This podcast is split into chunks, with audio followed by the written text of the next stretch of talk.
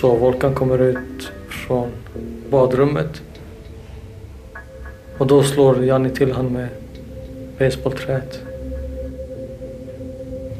Och efter det så börjar Janni strypa honom. Och Rami håller i hans fötter. Jag kommer in från balkongen. Janni ber mig överlämna skartsladden från TVn. Jag ger han skottslanden och vad heter det, Janni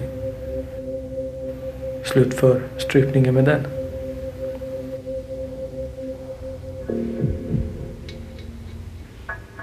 Det är den 16 oktober 2003.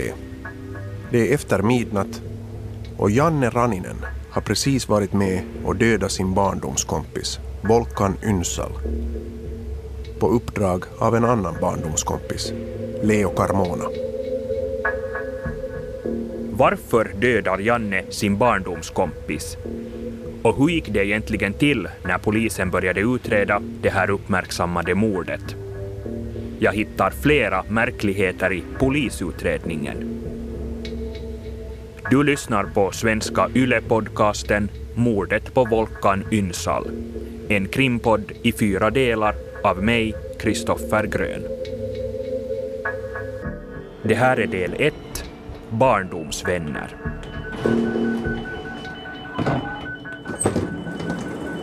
Vi är på väg till Jordbro, där berättelsen börjar. Jordbro är en förort som ligger en halvtimmes tågresa från Stockholms centrum. Nästa, Jordbro. Sverigefinländaren Janne Raninen bor i Jordbro under hela sin barn och ungdomstid. Han bor där tillsammans med sin mamma och sin äldre bror. Hans föräldrar skiljer sig när han är två år gammal. Jag Föddes 1977 och jag flyttade därifrån 1998, eller 20 år. Född och uppvuxen där.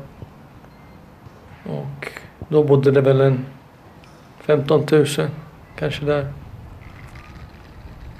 Uppdelade i två olika delar. Ett område, radhusområde, det andra är mer höghusområde. Höghusområdet var mycket mer slitet än radhusområdet. I vilket område bodde du alltså? I det eh, höghusområdet. Miljonprogrammen som det kallas. Förutom höghus finns här ett slitet köpcentrum, etniska restauranger, mataffärer och kiosker. En typisk förort helt enkelt. Jag gjorde lite allt möjligt. Jag jobbade, jag gjorde brott. Jag levde väl som, ibland som många andra tonåringar där också. Vem umgicks du med? Jag hade en väldigt vid umgängeskrets. En stor umgängeskrets hade jag där. Vem var din bästa kompis? I yngre år så var det väl en kille som hette Jonte. I äldre år var det väl inte, inte bästa vän, men jag umgicks mycket med Volkan när jag var äldre. Där vi kanske från 15, 16 år och uppåt. Då började vi umgås rätt mycket. I Jordbro bodde i mitten av 1990-talet många invandrare, bland annat från Sydamerika, Turkiet och Finland. Janne och Volkan, med bakgrund i Turkiet, umgås mycket och begår också brott tillsammans. Gjorde allt möjligt. Som folk gör, ungdomar gör i övrigt också. Men vi gjorde även mycket brott tillsammans. När började ni begå brott? Mitt och Volkans första brott, det, kom, det var väl rätt sent. 17-18 års åldern. Vad var det ni, ni gjorde? Han och jag, vi gjorde väl narkotikabrott. Ja, det gjorde han och jag. Sålde kokain. Använde ni också? Ja, vi använde kokain. Ja, det gjorde vi. Festade.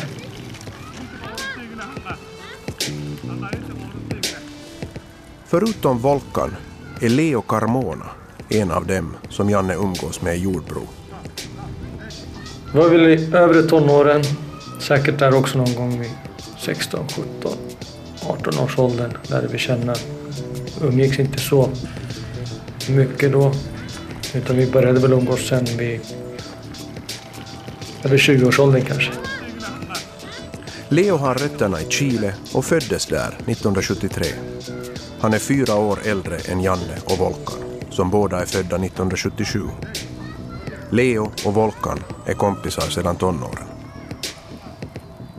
Leo kommer att spela en avgörande roll i både Jannes och Volkans liv och hur den här historien fortsätter. Kriminaliteten blir småningom grövre och grövre och snart handlar det om brott mot liv.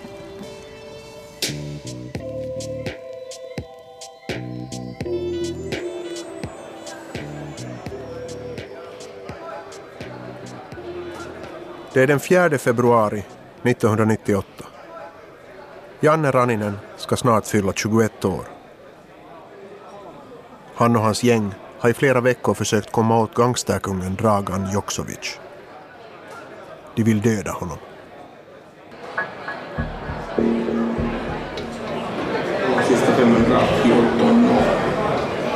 Nu har Janne åkt ut till Solvalla travbana i Stockholm. När han ser gangsterkungen Jokso bakifrån skjuter han honom i ryggen och huvudet. Jokso dör. Och Janne döms för mord. Eftersom han är under 21 år döms han inte till livstidsfängelse utan sitter inne i fem och ett halvt år. Jag började avtjäna mitt straff på Kronobergsfängelset och därifrån vidare till eller Kronobergshäktet och därifrån vidare till olika fängelser. Eh, det var både roliga och dåliga stunder. Ibland var det bra, ibland var det dåligt. Ibland var det som en fritidsgård och ibland var det lite allvarligare. Vad menar du med att det ibland var allvarligare? Som, är- som i övrigt när man sitter i fängelse så har man ju tid att tänka och tid att fundera på varför saker och ting har gått som det har gått. Och det är då de allvarligare tiderna, tiderna inträffar. Ångrade du någonting eller vad, vad menar du? Jo, det är klart man ångrar att man har tagit livet av en annan människa. Det gör man ju. Det är, inte, det är ingenting man är stolt över. Det är klart man ångrar det. Och det ångrade jag även under det straffet som jag satt för då tidigare. Mordet på Solvalla är en stor nyhet i Sverige och Janne lyfts upp i medierna. Det leder till att han anhåller om att få förflyttas till ett fängelse i Helsingfors. Jag sökte mig själv hit till Finland. För i Sverige så har tryckte, me- tryck media på så mycket att han som jag hade mördat, att hans eh, vänner skulle hämnas på mig för att jag har mördat honom. Och svenska kriminalvården ville inte ta någon risker utan de menade på att det spelar ingen roll hur någonting skulle hända även om det inte hade med den andra motståndarsidan att göra så att säga så skulle, är det de som får skit för det för att det är deras ansikte som eller de tappar ansiktet för att om någonting skulle hända även om det är jag själv som har startat det. Och jag vill inte sitta under deras beskyddning så jag sökte mig hit till Finland för att avtjäna resten av straffet. För här fick jag vara själv så att säga utan att tänka på det att finska kriminalvården skulle tappa ansiktet om det är jag som startar någon bråk eller någonting här. Janne sitter fortfarande i fängelset den 12 juli 2002. Då händer någonting som kommer att påverka hans liv för en lång tid framöver och indirekt är orsaken till att han fortfarande sitter i fängelse. Polisen i Sverige har utfärdat rikslarm efter rånet på Arlanda flygplats sent igår kväll. Tre eller fyra beväpnade män lyckades ta sig in på flygplatsområdet och slog till mot personal som lossade pengar och andra värdepapper ur ett flygplan. Rånarna fick med sig fem säckar och det torde röra sig om stora summor pengar. När vaktmanskap försökte ingripa sköt rånarna flera skott mot dem men ingen skadades. Polisen har fortfarande inga spår efter rånarna. Marianne Öhman vid Stockholmspolisen var en av dem som skötte utredningen av rånet. Jag hade Eh, semester, eller min sista semesterdag, så jag skulle börja jobba på måndagen igen. För jag höra talas om det här, men jag förstår ju att eh, jag kan ju bli inringd redan imorgon, alltså det var på en lördag. Med anledning av det här och det blev jag mycket riktigt. Så jag och några kollegor vi åkte ut till Arlanda för att titta på brottsplatsen. Det här var ju ett ganska eh, avancerat rån och i och med att det, hade, det skedde ju inne på Arlanda, alltså innanför airside. Och eh, man tänker ju också på säkerheten, hur man har kommit in och väldigt fräckt rån helt enkelt. Rånet är minutiöst planerat. Det är tre maskerade rånare som kör rakt in på landningsbanan, överfaller två väktare och åker iväg med 44 miljoner kronor. Det vill säga över 4 miljoner euro. Och de har enligt uppgifter då eh, så här SAS Cargo västar på sig och eh, sen är de maskerade med skidglasögon. Och eh, man ser att de har också vapen med sig. Och sen hotar de ju då också att, ja, att de ska lägga sig ner och inte göra någonting, de här personerna. För det är ju både lastpersonal och mm, väktare, eller vad heter det, värdetransportpersonal där också. Arlandarånet är ett av Sveriges största värdetransportrån. Eh, de får med sig 13 säckar och eh, det innehåller då pengar i olika valutor. Det här var en extremt eh, stor värdetransport.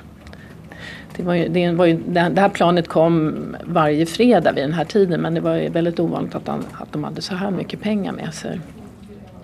I fängelset får Janne Raninen veta vad som hänt. Jag satt och kollade på text-tv när jag satt i fängelse, på svensk text-tv och då märkte jag att rånet i Arlanda hade skett. Och jag visste att något stort var på väg att hända så då hoppades jag på att det var just det här som var det stora som var på väg att hända. Sen när jag åkte tillbaka till Sverige på en permission då fick jag bekräftat för mig att det var just det här som hade hänt. Så så fick jag reda på det. Vem berättade? Eh, både Leo och Volkan. Stockholmspolisen har vissa aningar om vilket kriminellt nätverk som kan ligga bakom rånet, men kommer ändå inte riktigt vidare i utredningen. Ja, det kom ju in väldigt mycket tips. Eh, och vi förstod att det här var ju inte bara de här tre personerna som hade varit med i det här rånet. Utan det fanns andra personer som var också med olika funktioner. Eh, och ja, vi hade en del spår som vi kunde gå på. Så vi, det ledde oss fram till i vart fall en person som, är, som var en känd rånare. Eh, och den personen, ja den togs in också då, då. Men vi kom inte vidare med den personen. Eh, i de, ja, man hade varit försiktig med att lämna spår. I november 2002 får kriminalinspektör Marianne Öhman ett avgörande samtal. Mm, jo, jag fick ett samtal eh, och så säger han att eh, jag heter Volkan Ünsal och jag skulle vilja berätta om Arlandarånet. Och han frågar ju mig då om man hade kommit till rätt person. Det sa jag att jag vill, och sen så pratade vi att vi, han var i Turkiet då och eh, då bestämde vi att han skulle komma hit. Men då sa han att han var hotad till livet och att han eh, krävde skydd för att komma hit. Och det ordnades då. Så han kom hit i mitten av november och fick polisskydd då. En av dem som hotar Volkan är Leo Carmona, Volkans barndomsvän. I augusti 2002, omkring en månad efter Arlandarånet, söker Leo och en kompis till honom upp Volkans bror. De har med sig en pistol och hotar Volkans bror med den för att han ska tala om var Volkan finns. Leo och kompisen hotar döda hela familjen. Volkan och hans bror har en gemensam lägenhet. I september 2002 besöker deras mamma lägenheten och upptäcker då att den är tömd. Volkan kallar tömningen för en hämnd mot honom. Orsaken till hoten är att Volkan antas ha stulit pengar av Leo. Det vi visste om honom innan han kontaktade oss det var att vi hade ju fått tips om att han skulle ha eh, ja, tagit pengar från en av rånarna. Eh, och eh, de hade, det gör man ju inte ostraffat. Så vi hade ju fått reda på att han eh, hade då ett, eh, ett hot över sig redan innan han kontaktade oss. Volkan Ynsal har ett kriminellt förflutet och är känd hos polisen i Jordbro.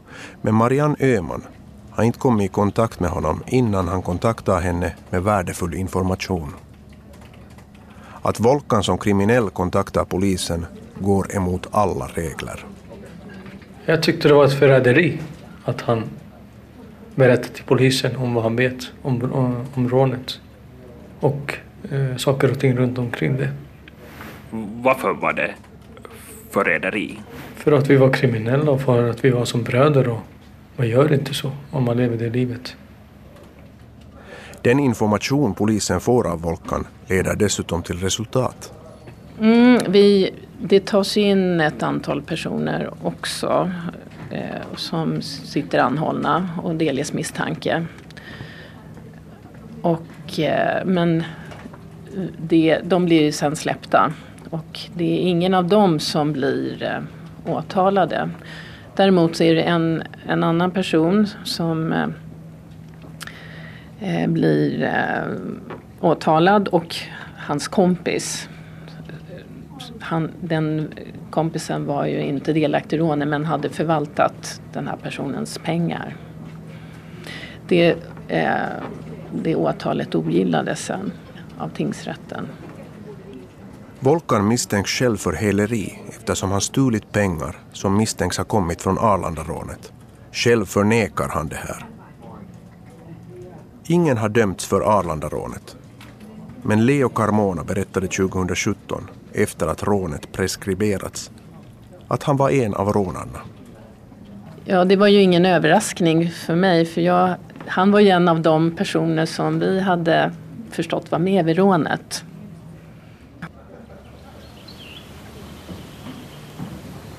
I juni 2003 släpps Janne från fängelset. Han har suttit inne över fem år för Solvallamordet. Det var en bra dag. Sommardag, varm. Det var skönt att komma ut. Att avtjäna straffet. Det som inte är bra är relationen mellan Jannes kompisar Leo och Volkan. Jag kom ut, jag muckade till en skitsituation i och med att Volkan hade stulit pengar från Leo och sen gått till polisen med information om Arlandarånet. Så det var inte en rolig situation jag muckades till. Men alltså hur, hur, hur påverkade det dig? Självklart för att vi var vänner och bröder allihopa. Jag, Leo och Volkan.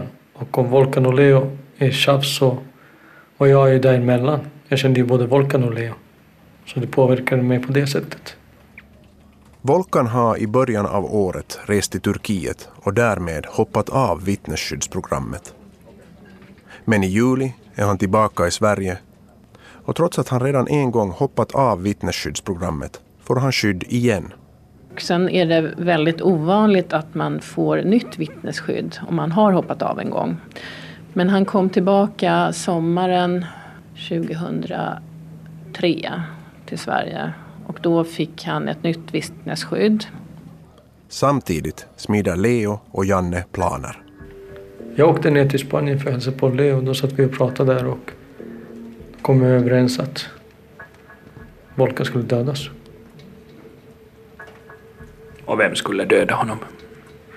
Först ville Leo döda honom eftersom det var personligt. Att han hade, Volkan hade stulit pengar från Leo. Men sen outsourcade vi det till några andra istället. Planen var alltså inte att Janne skulle döda sin barndomskompis. Mitt jobb var att locka eh, Volkan till Sverige eller Finland. Mitt var, jobb var att ta fram honom helt enkelt. Men inte döda honom. Vem var det? Var det liksom var det finska kriminella som hade, fick dåren uppdrag eller? Mm. Jag skötte upp ett par finska kriminella som vi outsourcade till. Volkan har sensommaren 2003 vittnesskydd och får där höra om planerna. Jo, det vi hade fått tips om det var att eh, hans kompis Janne Ranninen eh, var den som skulle verkställa här, de här hoten om att han skulle dö. Eh, och det fick han reda på. Han fick reda på det sommaren 2003. Och han visste ju att det var ett pris på hans huvud. Eh, sen när han lämnade vittnesskyddet så visst, blev han ju också varnad att inte åka till Finland. Men han eh, lyssnade ju inte på det.